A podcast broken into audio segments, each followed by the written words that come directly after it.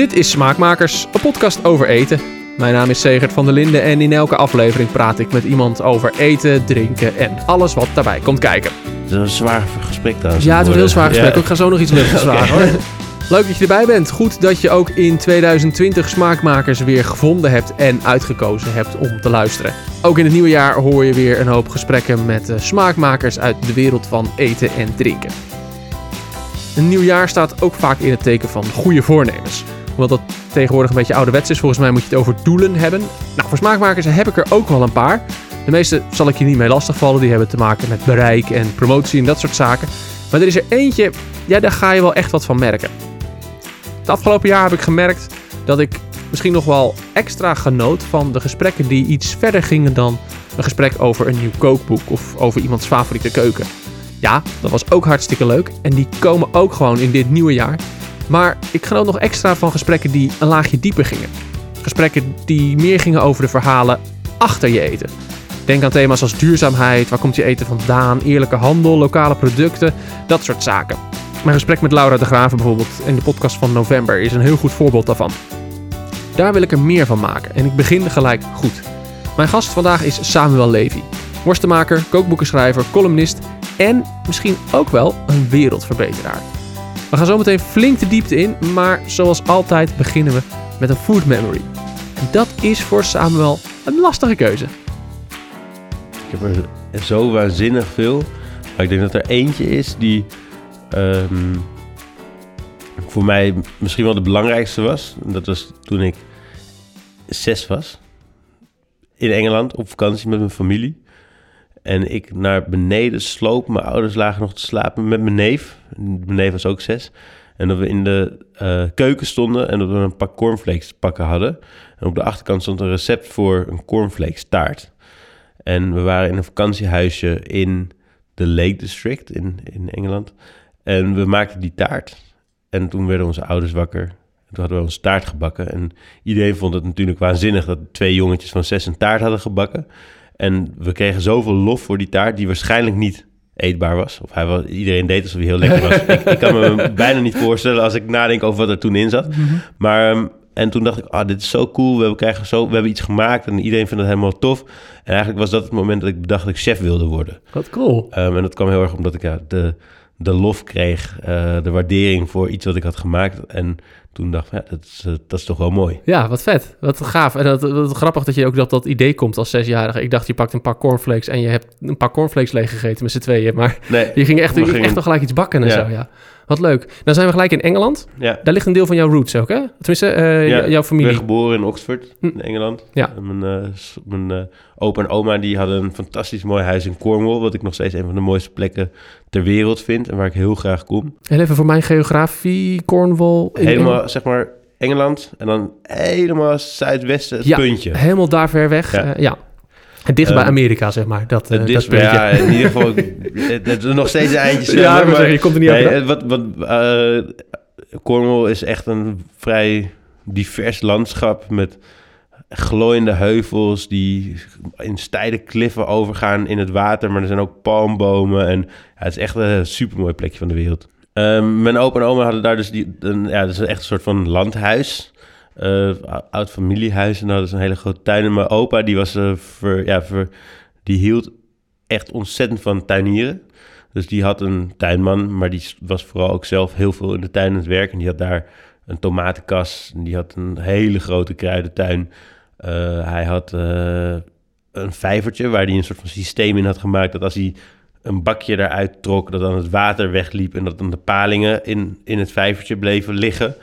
Ehm, hij was gewoon, ja, eh, hij was een avonturier en een, iemand die heel erg met de natuur bezig was en de omgeving. Eh, en dat was voor mij ook echt het begin van mijn verwondering naar eten en waar dat vandaan kwam. Die geur van, dat, dat was de andere vroege herinnering die ik anders had genoemd als het niet de cornflakes was. Dat was de geur van de tomaten en de tomatenkast. Ik haatte tomaten, ik vond tomaten vies. Maar die geur van tomaten nog steeds, als ik dat ruik, dat vind ik zo lekker. Er zit sowieso heel veel eh, variatie in, jou, in jouw roots, las ik. Eh, Engels, Joods, je schoonfamilie, Hindoestaans, Surinaams, hè? Ja. Ja. Dus Ja. van alles en nog wat. Ja, wat. Wat staat er dan bij jullie thuis allemaal te pruttelen op het vuur? eh? Ja, dat gaat echt alle kanten op. Ik eh, hou zelf echt wel heel erg van een beetje Italiaanse, eh, klassiek Franse keuken ook. Uh, maar sinds ik uh, getrouwd ben met Ragnar, of sinds ik Ragnar ken, koken we eigenlijk ook veel meer Aziatisch. Zij houdt echt heel erg van Indiaanse keuken, dat, is, dat zijn haar roots. Uh, ik kook tegenwoordig steeds vaker ook Japans of Koreaans. Dus bij ons gaat het echt... we hebben elke week een soort van wereldreis door alle keukens. In de keuken gaat Samuel dus alle kanten op. En eerlijk is eerlijk, in zijn werk is dat eigenlijk niet anders.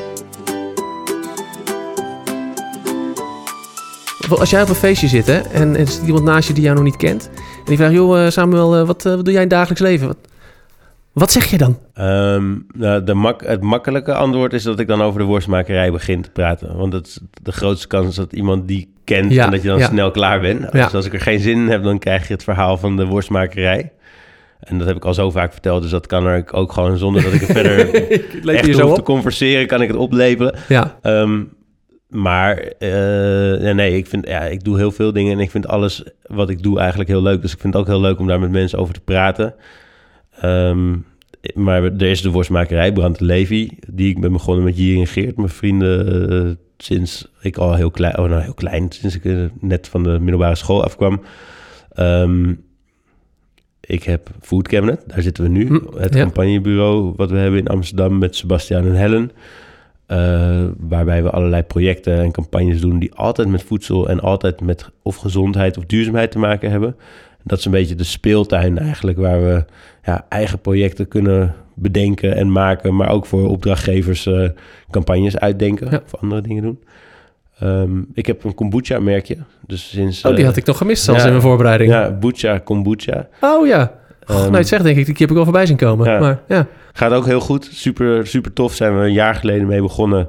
Uh, en ligt nu bij echt een, heel, heleboel toffe zaken. En uh, kombucha, ja, kombucha voor de mensen die dat niet kennen. Goeie, ik, ja. ik, hoor nu mensen denken... ja, wat is dat dan? Wat is dat? Uh, kombucha is een gefermenteerde thee. en dat, ja, dat kun je drinken als frisdrank of als, als non-alcoholisch alternatief. En daar hebben we echt een culinaire twist aan gegeven. Dat doe ik met uh, Jiri en Geert en Siewert. En Jiri was, uh, is, is nog steeds de brand van Brand en Levi. Hm. En maakt nog steeds onze worsten. maar wilde ook heel graag iets anders dan alleen maar in de slagerij staan. Dus die is nu ook brouwer. en daarnaast schrijf ik boeken. Ik schrijf voor het Pro. Pro ja. ja. Dus ik, heel veel van de straat gehouden. Ja, lekker ja.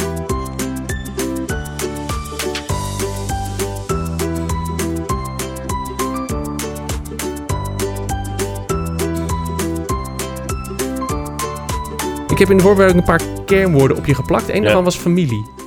Dat, ik heb het idee dat dat, eh, zeker in je kookboeken, die zijn allebei echt familiekookboeken. Ja. Thuis. Ja, uh, voor mij is eten ook echt familie. Ja. Dus sowieso als uh, kind hebben we, hebben, ja, ik weet nog dat ik dat de mooiste momenten vond. Aan het einde van de dag samen aan tafel en was gekookt. Meestal lekker. Als mijn moeder had gekookt, dan uh, aten we ook meestal gewoon lekker.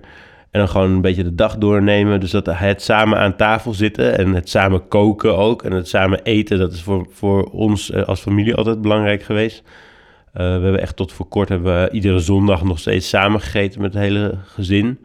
Uh, en alle vriendjes en vriendinnetjes en iedereen die daarbij uh, hoorde. Um, en dat probeer ik nu zelf ook weer thuis echt erin te krijgen. Dus gisteren zat mijn dochter, die moest en zou televisie kijken. Uh, dat gebeurt niet zo vaak. En dan is ze moe. En da dacht ik ook van, nou, laat maar een keer gaan. Maar dat vind ik nou echt jammer dat we niet gewoon weer met z'n allen aan tafel zitten. En dan zit ik wel zelf om zes uur te eten, omdat ik dan denk dat het gezellig is. En dan zit ze er niet bij. En dan vraag ik nog drie keer, wil je niet aan tafel komen? Dat is gezellig, kunnen we een beetje kletsen? En, nou, dat, dat, gaat er dan niet worden. Maar ik vind dat gewoon, uh, ja, eten heeft wat mij betreft gewoon een heel erg verbindende uh, rol. Ja. Ook in, in onze familie. Die verbindende rol van eten, dat lees ik dan ook wel weer terug in dat Nijntje boek of zo. Je wilt het ook wel kinderen meegeven. Waar komt eten vandaan? Eten samen is fijn, is leuk, is lekker. Ja. Uh, heb, ik, heb ik dat goed? Wil je dat, is, dat, is dat een doel van dat boek geweest? Nou, het doel is voornamelijk geweest om Nijntje te gebruiken als een soort van deur naar binnen bij kinderen om interesse op te wekken. Dus ik, ik heb zelf gemerkt dat uh, die deur naar binnen was de, tuin, de moestuin van mijn opa. Uh, het met mijn opa door de tuin lopen en leren over eten heeft ervoor gezorgd dat ik echt een hele grote interesse heb gehad in waar eten vandaan komt, wat eten met de mens doet, eh, in die verbindende rol van eten. En ik denk uiteindelijk als je kijkt naar uh, de een van de uitdagingen is om mensen gezonder te laten eten en um, mensen dus ook die interesse te laten krijgen om daar zelf om goede keuzes te maken. En dus als je kinderen wil beïnvloeden, dan moet je dat denk ik op een leuke manier doen. Want je kan kinderen vertellen dat ze een bord moeten leeg eten en dat ze groenten moeten eten. Nee. Ja, jij weet het. Jij ja, hebt, ik weet het werkt. Ja. Het, gaat, het werkt vooral niet. Ja, precies. Maar wat wel werkt is uh, zich laten verbazen, mee laten doen, zelf laten meekoken. Uh, dus die interesse intrinsiek opwekken. Ja, en dan is er voor kinderen natuurlijk bijna geen beter icoon dan Nijntje. Ja, ja, nou, wat ik zeg, ik lees het. Mijn, mijn, ik kreeg, wij kregen hem van mijn vrouw, mijn zoontje en ik. En toen, uh, de eerste dag uh, moest ik hem s ochtends aan tafel voorlezen aan hem, inderdaad. Ja, en uh, hebben we de courgette, courgette en cheese gemaakt. Of, hoe heet hij ongeveer? Maar mac and cheese met courgette. Dus we stonden samen courgettejes te raspen op het, op het aanrecht en zo. Vond hij het lekker? ja, hij, ja, ja, groen, groen is, is, het, is, is gewoon altijd al een beetje moeilijk. Oh alles wat groen is, is ingewikkeld. Dus ik dacht, nou, misschien omdat die courgette zo klein is. En hij probeert nu alles. Dat vind ik echt heel fijn. Overal een hapje van nemen. En hij is echt, dat is echt, hij is echt alles aan het proeven. Maar ja, pasta is sowieso natuurlijk te gek. Er zit lekker kaas overheen. Dat is te gek. En dan die courgette, dat is dan... Ja. Als, we als, we, als we een hapje geven, dan, dan gaat het wel naar binnen. Maar dan houdt het wel mee op. Ja. Maar verder, ja, ik, ik vond hem zelf ook heel lekker. Het is geen namelijk niet echt een kinderrecept of zo. Nee, dat hele boek heb ik ook echt gemaakt omdat ik op een gegeven moment helemaal klaar was met altijd maar zeg maar iets voor mezelf maken en dan een, een prutje voor de kinderen. Dat ik dacht van, dat merk ik nu ook weer. Mijn jongste is één. En hij heeft me een, uh, en ik wil niks slecht zeggen over mijn hele lieve vrouw, maar die had dan gisteren voor haar gekookt en dan maakt ze toch weer een prutje en dan eet ze niet. En dan zit en dan zeg je, nou, ze heeft geen honger. En dan vervolgens zit mijn dochter Mala bij mij op schoot. En dan eet ze gewoon aubergine curry met rijst. En dat vindt ze heerlijk. Dus ook gewoon een beetje met de gedachte van, oh ja, waarom geven we kinderen altijd een soort van snel prakje, waarvan we denken dat ze het lekker vinden, maar als je naar ruikt, dan zou je zelf ook geen hap van willen nemen, zeg maar. Dus, ja. En met die gedachte heb ik het boek ook geprobeerd te maken. Dus dingen die je aan je kinderen kan geven, maar waar je gewoon zelf van mee kan eten, of die je zelf ook kan eten. Ja. Ehm, ja, want het is, geen, het is geen kookboek voor kinderen. Het is een kookboek met. Ja. Je, kookt, ja. je, je, kunt met ze, je kunt samen koken, maar je kunt ook samen aan tafel gaan eten en zo, ja. Ja, en voornamelijk ook gewoon het idee van dat je samen, zoals je zegt, van ik lees het boekje met mijn kind. Uh, en dan vervolgens kan je s'avonds uit hetzelfde boekje, wat ze zo leuk vinden, iets op tafel zetten. En dan denk ik dat de kans net iets groter is dat ze het gaan proberen. Nou ja, hij is er, hij is in ieder geval in geïnteresseerd. Ja. En hij vindt het in ieder geval leuk om dan aan mama te vertellen van, uh, dat hebben papa en ik gemaakt. Uit het Nijntjeboek. Uit het Nijntjeboek. Ja. En dat is al, al een hele, hele grote stap. Dat is natuurlijk al heel wat. Ik zei het in mijn inleiding al, we gaan flink de diepte in en dat moment, dat komt nu. Want Samuel is enthousiast over eten, maar dat eten dat zet hij ook wel in om de wereld een beetje mooier en beter te maken. Hij is ook wel een beetje een wereldverbeteraar, toch? Um, nou, ik uh, zat vanmorgen bij mijn coach. Ik heb een coach met wie mhm. ik over het leven praat. En die me af en toe vertelt dat ik wat minder moet doen. Of juist wat sneller de dingen moet afmaken waar ik aan begin. Of in ieder geval. En die vroeg me van hoe wil je laten herinnerd worden? En dan staat uh, als iemand die de wereld een beetje mooier heeft gemaakt. Dat staat wel hoog in de, in de, in de lijst van dingen die ik belangrijk vind. Ja, ja, dat, dat merk ik ook wel aan, aan de dingen die je noemt inderdaad. Food Cabinet. Uh, we hebben uh, de... Uh, ja, dan hebben we de Youth Food Movement nog niet eens genoemd. Ja. Dat wat nu Slow Food Youth Network heet. Ja. die hebben we nog, dat hebben we nog niet eens genoemd. Um, de, low Food ook nog. is ook een beetje hetzelfde, hetzelfde concept. Dus heel veel dingen zijn voor jou... Heb ik, nou, dus, dus dat wereld verbeteren. Zie jij eten dan ook als een manier om de wereld beter te maken? Zeker. Ik denk echt dat voor mij veel en dat is weer zo'n culinaire herinnering misschien wel. Ik heb uh, op een gegeven moment na mijn... Uh, na het op een gegeven moment na het afmaken van mijn ateneum in Amsterdam... kwam voor mij de grote vraag... wil ik een kok worden? Wil ik koksopleiding gaan doen? Of wil ik iets anders doen? Toen ben ik eerst een jaar in de keukens in Amsterdam gaan... in verschillende keukens in Amsterdam gaan werken...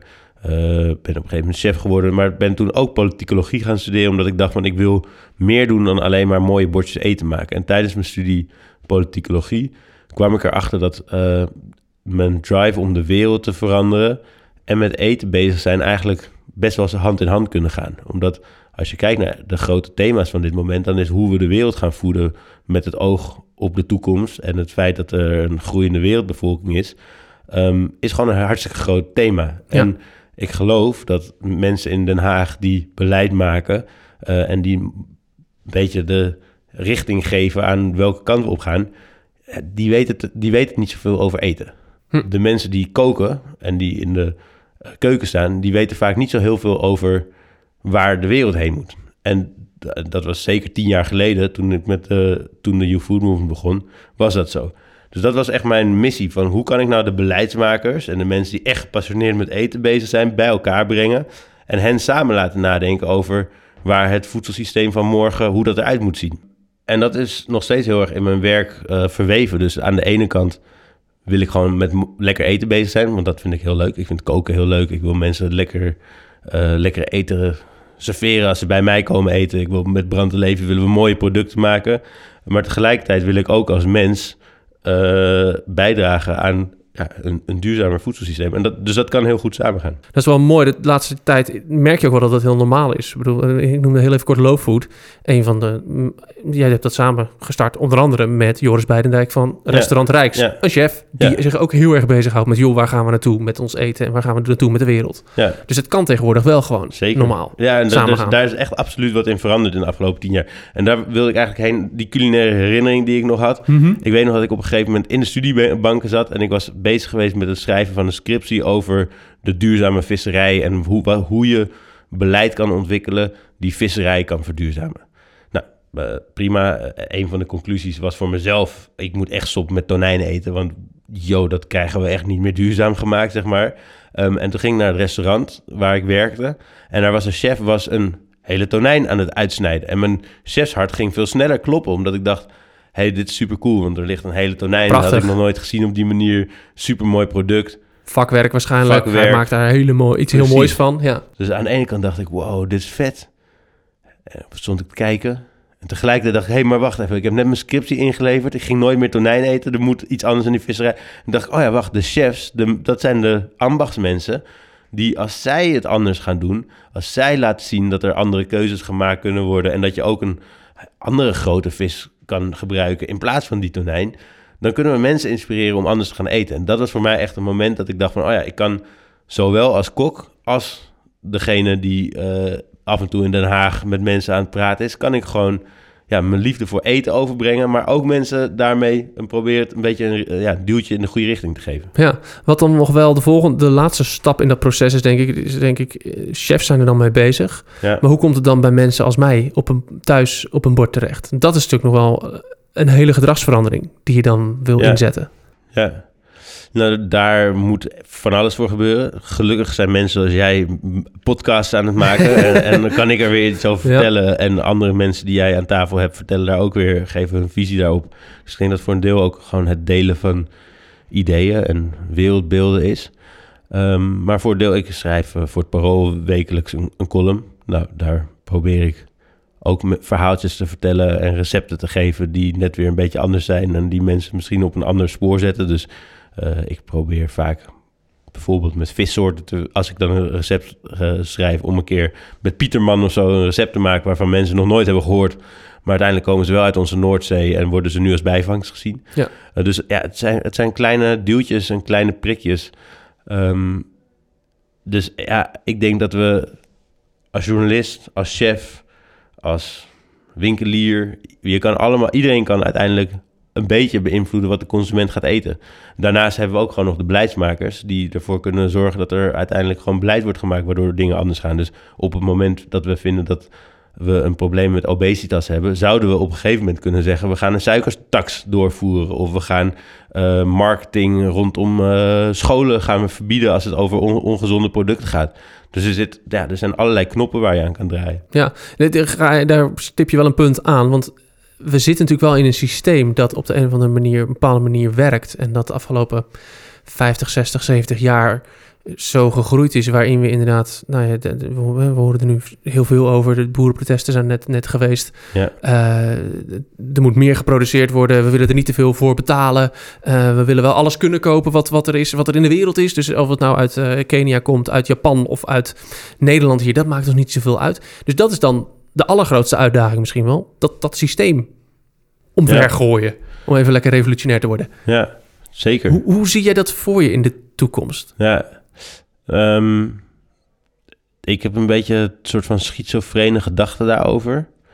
Eh, soms denk ik dat we dat kunnen doen. En dat als we consumenten en bedrijfsleven en politici en iedereen die daartoe doet, daar echt zijn schouders onder zet, dat we het systeem kunnen omdraaien. Ehm, op andere moment denk ik dat we echt een crisis nodig hebben om dat voor elkaar te krijgen. Want als je kijkt naar, ja, bijvoorbeeld, eh, ik, ik was laatst over verspilling aan het nadenken en over hoeveel voedsel er hier wordt verspild. Ja. En toen dacht ik van ja, dat is toch waanzinnig eigenlijk. En iedereen is, er, iedereen is het met elkaar eens. We, zouden geen voedsel moeten verspillen, want er zijn heel veel mensen die honger hebben. Eh, we hebben maar één planeet. Al die grondstoffen gaan verloren Zonde van je geld. zonde van je geld. Genoeg redenen om eigenlijk met z'n allen wel te vinden dat we dat moeten stoppen. Maar ja, als eten zo goedkoop is en als het zo in overvloed aanwezig is, dan voel je het helemaal niet. Dus eh, je kan er rationeel kan je er wel van zeggen van we moeten geen voedsel verspillen. En natuurlijk kun je ervoor zorgen dat je je brood opmaakt. En je kan elke keer iets doen en dan kan je jezelf een klopje op de schouder geven en zeggen, oh, ik heb toch weer een stapje gemaakt. Maar uiteindelijk verspillen we nog steeds gigantisch veel eten. Toen was ik in Kenia eh, een paar maanden geleden. En dan ging ik koken. En ik gooide het kroontje van de paprika weg. En de nek van een kip. Nou, die mensen werden helemaal gek. En die zeiden van, "Wa- wat ben je aan het doen? En toen dacht ik opeens, oh ja, het zit zo ingebakken bij mij... dat ja, de kroontje en de binnenkant van die pitjes van een paprika... die vinden we niet lekker, dus we eten ze niet. Dat is natuurlijk totale luxe, want het is gewoon, zijn gewoon voedingsstoffen. En als je, als je twintig mensen te voeden hebt... en je hebt maar vijf paprika's en één kip... Dag, waarom zou je dan in vre- vredesnaam dat nekje? Ik bedoel, zelfs ik kan dat nekje kan ik hartstikke waarderen. Maar ik had er gewoon niet over nagedacht. En toen dacht ik, oh ja, als er schaarste is, dan ga je niet meer verspillen. En zolang die schaarste er niet is, ben ik bang dat het... Dat het eh, ja, en we moeten er heel hard aan werken. Ik wil ook helemaal niet zeggen dat het niet kan, want er worden ook goede... de, als je kijkt naar de cijfers, dan gaat het beter. Er wordt minder verspild. Dus we kunnen de goede kant op bewegen. Maar misschien dat het pas als er echt schaarste is... of als er echt crisis is...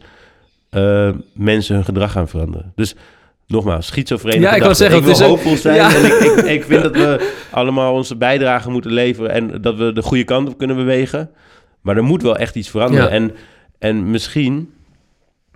We zijn gewoon hartstikke verwend. Alles is Ja. overal voorhanden. We, we nemen het hartstikke voor lief dat we hier de boontjes uit Kenia kunnen eten, de avocados. Ja, we denken Peru. niet eens bij na. We weten het waarschijnlijk niet eens. Nee, We Nee, geen, geen idee. Maar jij en ik weten het. Ja. En we- ik doe het ook.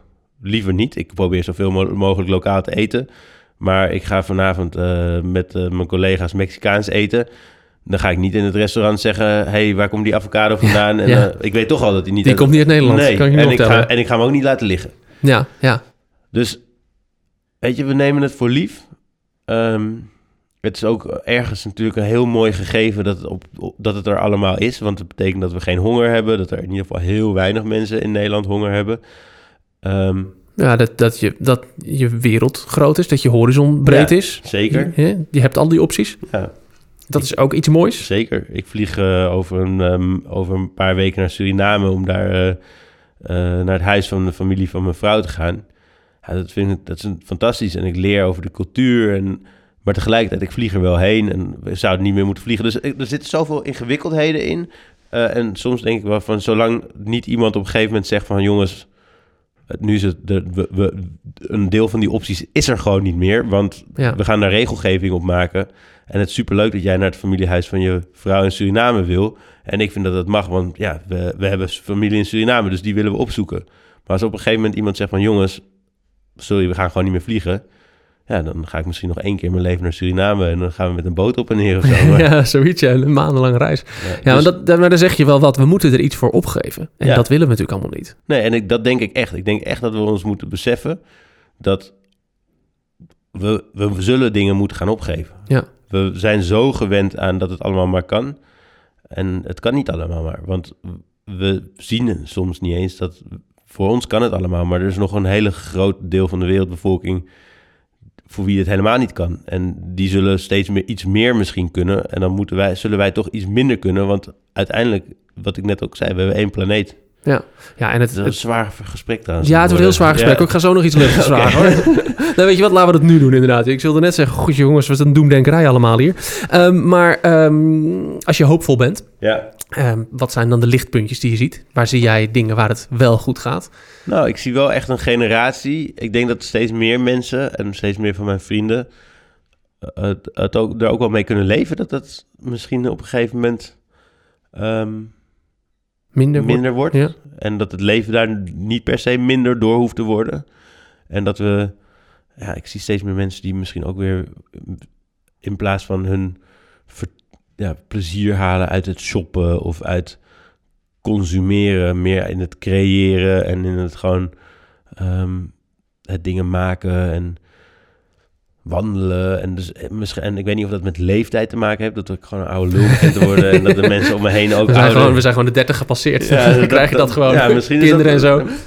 Nee, maar misschien is dat ook wel zo. Hè? Dus misschien dat ik dat ook wel ver- verkeerd zie. Maar ik hoop gewoon heel erg... Als je kijkt naar de klimaatprotesten van de afgelopen jaren... van, van, van kinderen, Scholieren, kinderen ja. dus gewoon scholieren, weet je. Ja, dan denk ik dat er groeit nu een generatie op... die misschien gewoon wel meekrijgt van dat het anders zou moeten. Ja. En ik denk dat wij misschien eh, al de generatie waren die dat constateerde... Eh, maar dat de volgende generatie het ook anders gaat doen. Ja. Dat hoop ik heel erg. Dat zou mooi zijn, ja. Ja. ja. En, en ja, ik word ook gewoon... Ik bedoel, ik, en dat is een, beetje een bevoorrechte positie, maar ik vind het leven gewoon hartstikke leuk. En ik, ik hou ervan om gewoon lekker te koken. En dus er zijn, er zijn zoveel mooie dingen in het leven en daar hou ik echt aan vast. En tegelijkertijd besef ik dat ik ehm bevoorrecht ben en dat, dat het dus ook gewoon echt prima is als dat iets minder wordt op een gegeven moment. Ja, en misschien ook nog meer laten zien dat het leven echt niet verschrikkelijk wordt als je niet meer alle opties en alle keuzes hebt. Als Nee. het iets minder is, is ons leven, kun je leven ook nog heel leuk zijn. En misschien kan het wel een hele mooie uitdaging zijn om op een manier te leven die wel goed is voor de aarde en waarmee we wel de aarde door kunnen geven. Ja, ik denk uiteindelijk is het natuurlijk veel leuker als, we- als we weten op een gegeven moment dat, we, eh, dat, dat, dat die zwaarte er vanaf is. Dat we weten we zijn het gewoon goed aan het doen. Het is natuurlijk ook echt een super kloterig idee dat je eh, met elkaar iets aan het kapotmaken bent. Dus ik denk dat op, op een gegeven moment.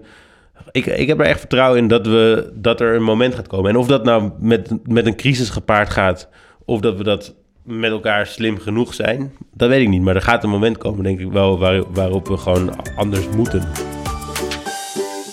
Ja, en dat anders moeten, daar draagt ook Lowfood aan bij. We stipten het al eventjes aan, maar aan het eind van het gesprek concludeerden we allebei dat het toch wel goed was om er nog even wat langer bij stil te staan. Ja, je bent een van de man- mannen achter Lowfood. Ja, Wat, eerst maar eens even kort uit voor de mensen die het helemaal niet kennen. Wat is Lowfood? ja Lowfood is eigenlijk een... eh, ja, hoe zullen we het noemen? Lowfood is een beweging die ik met eh, Joris Lohman en Joris Beidendijk heb gestart. Joris Lohman is een oud studiegenoot van me en eh, die is ook bij de Slow Food Youth Network betrokken geweest. Hm. En Joris Beidendijk is chef van het Rijks en van Wils en doet allerlei mooie projecten.